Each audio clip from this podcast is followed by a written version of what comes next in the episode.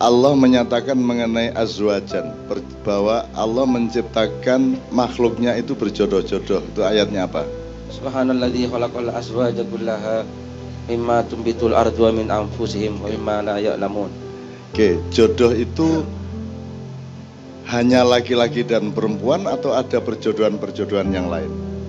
Tidak, tidak harus. Tidak Jadi harus misalnya air itu H2O, H hidrogen 2, oksigennya 1. Itu jenis perjodohan zat. Ya. Kalau asam sulfat H2SO 4. Kalau NH3 natrium 1 hidrogen 3. Ambune gak enak. Nah, Pak Esa malam hari, malam hari ini diperjodohkan oleh Allah di dalam kemesraan aransemen cinta dan musikal yang luar biasa direstui Allah langsung. Anda pikir gampang, kalau tidak dijodohkan Allah emang gampang. Semua orang yang nyanyi itu yang bunyi dulu musiknya untuk menentukan kunci nadanya. Ya toh? Baru yang nyanyi ikut atau disepakati dulu. Pak Esa nyanyi, tidak ada rundingan dulu Pokoknya dia bersuara begitu saja dan ternyata tidak ada masalah bagi Kiai Kanjeng untuk memasukinya karena memang Allah sudah menjodohkan mereka. Kan begitu. Ya, dan yang dijodohkan Allah adalah orang yang ikhlas dengan ikhlas. Ya, Pak Muzamil, ada kalimat Allah yang negasinya azani azaniyatu la yang kihuha illa zanin. Oke. Okay. Kalau orang-orang yang penyelingkuh dia tidak akan kawin dengan siapa pun kecuali juga dengan penyelingkuh. Tapi orang-orang yang ikhlas pasti akan berjodoh dengan orang-orang yang ikhlas. Dan pada malam hari ini semua sampai yang ke belakang sing ketok gak ketok sing kono-kono ning wit-witan ning buk-buk ning tembok-tembok semua adalah orang-orang yang ikhlas pada malam hari ini dan kita akan diperjodohkan oleh Allah Subhanahu wa taala tidak hanya di dunia tapi juga di kampung halaman asli kita kelak yaitu surga Jannatun Naim. Khalidina fiha abada. Coba tak tanya, Anda ini makhluk penduduk bumi yang sedang berjuang mencari surga ataukah Anda ini penduduk surga yang sedang outbound di bumi? Outbound itu wong Jawa ngarani piye? Mampir ngombe, urip ning mampir ngombe. Jadi ini bukan tempat kita membangun sesuatu yang permanen Ya, kalau mau bangun infrastruktur, infrastruktur surga. Itu ya. Jadi kita ini penduduk surga karena Mbah Adam adalah penghuni surga dan kita besok-besok akan menjadi penghuni surga dan sok-sok pengajian ini meneh ya ning surga ya. Ning ning kono wis ora ono tausiah, wis ora perlu wis mlebu surga, wis ora perlu dinasihati apa. Pokoke ning surga wis beres urusane gari bermesraan tinggal tinggal bermesraan di surga gitu ya ya tak dongake sing ora tercapai untuk menikahi seorang wanita yang diidamkan nanti Allah mentakdirkannya menjadi suami istri di surga. Jadi gue tenang is, ning jono ora rabi meneh rapopo sing penting ning swarga sesuk entuk cah cahayu. Amin ya rabbal alamin. Nek ento. Oke, secara serius saya habis ini saya mohon kepada ketua MWCNO karena saya punya saran begini ini kan ada ada tantangan-tantangan kepada Nahdien dan dan Nahdlatul Ulama yang hubungannya sama perbedaan faham terhadap Islam ya jadi sekarang ini umat NU sedang berhadapan dengan tafsir-tafsir baru mengenai banyak hal. Misalnya mengenai tahlilan mengenai kenduren apa meneh? Weweh selawatan, ziarah kubur, sedekah bumi, sapi turute. Kita berhadapan dengan al-humako, dengan kaum ahmad, orang yang tidak bisa diajak bicara. Orang yang ngertinya alif dan tidak bisa memahami a. Orang apa meneh kok ho engko hono coroko haram engko selapanan haram suwe-suwe saya itu minta dengan sangat, minta dengan sangat satu. Nahdlatul Ulama dari pusat, entah bagaimana pengorganisasian dan pengelolaannya, itu menyusun dan menerbitkan buku fikih, katakanlah mungkin namanya fikih Nahdliyah, yang pasti berisi fikih-fikih yang dasar yang default mengenai hal-hal yang setiap hari menjadi uh, apa namanya panduan bagi orang Islam tapi ada tekanan atau aksentuasi terhadap tantangan-tantangan yang sekarang sedang terjadi. Jadi ada fatwa yang jelas mengenai ziarah kubur, ada fatwa yang jelas mengenai kenduri, ada fatwa yang jelas mengenai selawatan, musik dan lain sebagainya.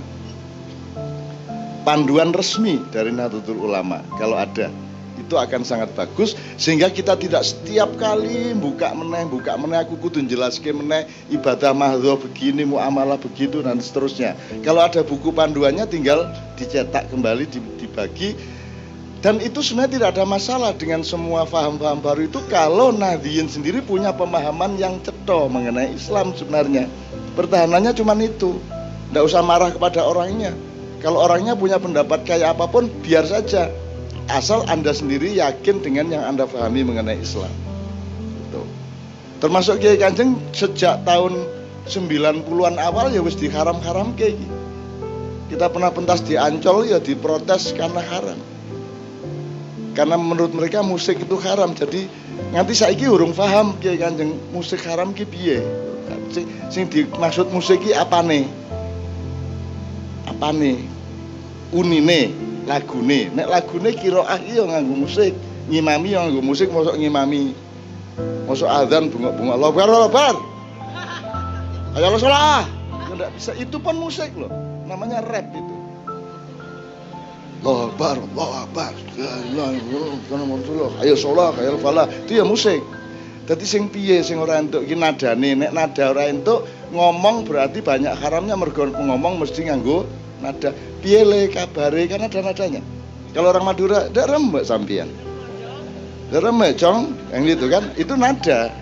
Sing diharamke sing ngendi nek irama bagaimana hidup tanpa irama? Bunyi bagaimana hidup tanpa bunyi kan begitu jadi yang diharamkan adalah alatnya alatnya Lalu terus untuk apa? Allah menciptakan benda, menciptakan kayu, menciptakan logam. Kalau tidak untuk kita nikmati, sepanjang tidak melanggar syariat Allah. Maka kita harus paham sing jenenge melanggar sing kepriye. Moga kita ulang satu lagi ya. Kita ulang satu satu tok aja. Islam itu terdiri dari tiga setengah persen dari ayat Al-Quran yang namanya ibadah mahdoh. Yang 96 setengah persen itu ayat-ayat yang menyangkut ibadah muamalah. Gitu aja gampangannya ya. Istilahnya boleh beda. Tapi pokoknya Mahdo adalah yang oleh Allah diperintahkan langsung atau dilarang langsung. Kalau muamalah adalah inisiatif manusia untuk mendekat kepada Allah. Jadi kalau mahdo itu dari langit ke bumi, kalau muamalah dari bumi ke langit, gitu ya. Nah, mahdo itu iki mengbaleni loh, ya aku ora ceramah lho, iki mengbaleni pemahaman. Mahdo ki pokoknya ingin iki pedomane. Ojo jangan melakukan apa pun kecuali yang aku perintahkan. Ngono tok. Jadi kalau tidak diperintah Allah tidak usah dilakukan. Jangan lakukan apa pun kecuali yang diperintahkan oleh Allah Subhanahu wa taala melalui Rasulullah sallallahu alaihi wasallam. Kalau muamalah lakukan apa saja. Apa wae sakarepmu asal tidak melanggar syariat Allah. Kan gitu. Jadi mancing untuk orang. Kanjeng Nabi tahu mancing orang. Neng mancing untuk orang ya kecuali mancing neng kolame tonggomu nah, kuwi sing salah udah mancingi neng neng panggonane kan gitu jadi lakukan apa saja asal tidak melanggar syariat Allah kan begitu sudah bebas apa saja. Nanti Pak Muzamil tolong menjelaskan konteks kalimat wama khalaqtul jinna wal insa illa liya'budun. Kalimatnya bukan ini kholaktul jinna wal insa budun tapi kalimatnya adalah wama kholaktul jinna wal insa illa budun nanti dulu macam ini ini urutannya begitu nanti PR dulu. Nah jadi sekarang ngerti ya kenduren untuk orang ada melanggar Islam enggak? Melanggar silaturahmi enggak kenduren? Baik enggak untuk silaturahmi? Mengakrabkan seduluran orang. Ya, karo nolong wong sing ora iso mangan. Nggih. Kowe kan seneng nek ana kenduren. Nek ora diundang kan kowe kelintar-kelintar ngarepe omahe. Bukan hanya boleh, dia baik. Yang tidak boleh adalah nek kue nganak-nganak ke. Jadi bukan kendurennya yang tidak boleh nganak-nganak ke. Wong kue utang oke, wong datang traktir wong oke kan begitu. Gitu loh. Jadi apalagi yang selawat. Selawat itu kan pernyataan cinta kepada Rasulullah kan begitu. Nah kalau da, selawat tidak boleh lah kalau tahiyat kan nganggo selawat. Tapi ya, ya terus tahiyatnya dipotong gitu. Kenapa kita bersolawat? Karena Allah akan menjadi lebih dekat denganmu kalau engkau mencintai kekasihnya kan begitu. Kalau kita berdoa kepada Allah langsung tanpa sholawat berarti yang kita andalkan adalah diri kita sendiri. Saya tanya, bisa nggak dirimu diandalkan di depan Allah? Bisa nggak aku diandalkan di depan Allah? Tidak. Yang bisa diandalkan di depan Allah hanya Rasulullah SAW. Maka kalau kita merayu Allah, kita nyatakan cinta kita kepada kekasihnya, yaitu Rasulullah SAW. Maka doa kita akan menjadi lebih mudah untuk dikabulkan. Itu sebabnya kita bersolawat. Jadi sing dilarang piye Ini ini ini pokoknya kita tegaskan sekali lagi ya. Angger jenengan ngerti masalah kan harus beres jane masalah. Karena Anda ini bertetangga dengan daerah-daerah yang ada gitu-gitu. Ya toh klebon-klebon sing ora lah kowe aja kupo, kowe wis ngerti kok. Apa meneh liyane ziarah kubur. Ziarah kubur ra entuk. Jare birul waliden. Birul waliden itu apa? Menghormati orang tua bapakmu tok ya apa mbahmu juga. Buyut juga. Canggah, Mbah Wareng, udeg-udeg, Dupa bosok, apa meneh liyane? gantung siwur sampai walulas itu semua waliden apa tidak semua adalah orang tua aku saya takon nek bapakmu wis ning kuburan kowe sing duwe wong tua ora?